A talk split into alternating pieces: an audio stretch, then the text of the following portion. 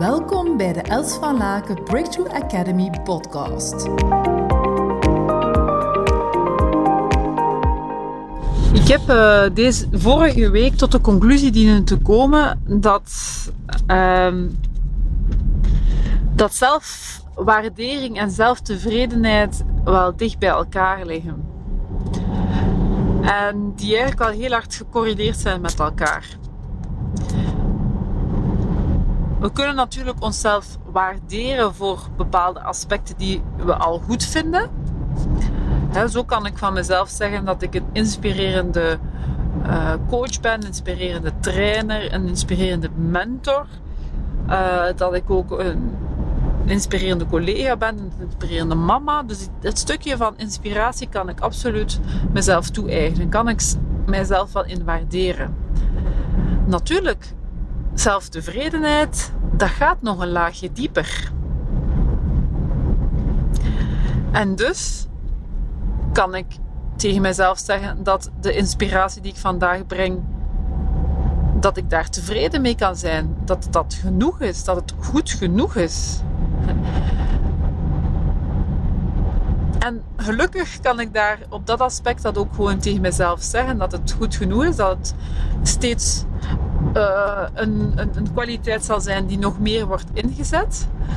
Uh, die ook geloof ontzettend dat uh, mijn inspirerend vermogen nog veel groter gaat worden dan het al is.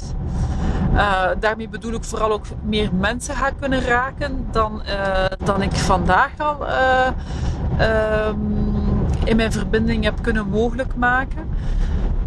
Ah, dus dat is echt een inzicht die ik afgelopen week nog extra kreeg. Van, dankzij een van mijn klanten trouwens. Van ja, zelfwaardering en zelftevredenheid zijn nog wel twee aparte zaken. En kan ik dan, als ik mijzelf waardeer, mijzelf ook daarin herkennen en tevreden zijn gewoon met wat dat er al is. En zo heb ik bijvoorbeeld een ander aspect van mezelf. Als ik dan kijk naar de mildheid die ik naar mezelf vertoon, dan is dat enorm welke evolutie dat ik daar op de afgelopen 12 jaar, 15 jaar op gemaakt heb. Dat is fenomenaal. En toch bijvoorbeeld kan ik op het moment dat ik dan um,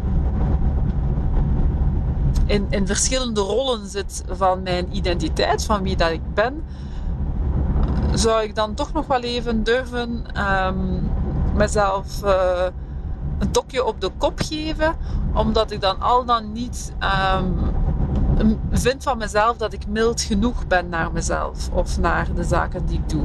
En dan denk ik van, damn, ja, dat gaat wel over die zelftevredenheid. Kunnen content zijn met wat dat er nu echt al is. En wat er niet is en dat dat ook oké is. En voor degene dat het fluffy klinkt, alsjeblieft kom in coaching bij mij. Want dat is zoveel waard om, uh, om er op die manier in te zitten en gewoon te kunnen zeggen van kijk, ik ben ook gewoon tevreden. Tevreden met mezelf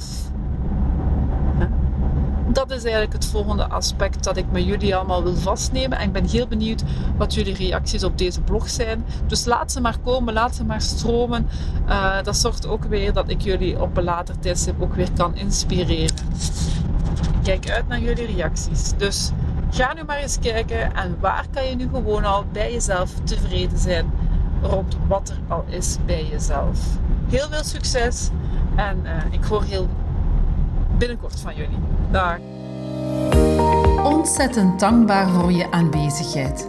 Verspreid samen met mij deze positieve energie en tips. Deel deze podcast op je social media.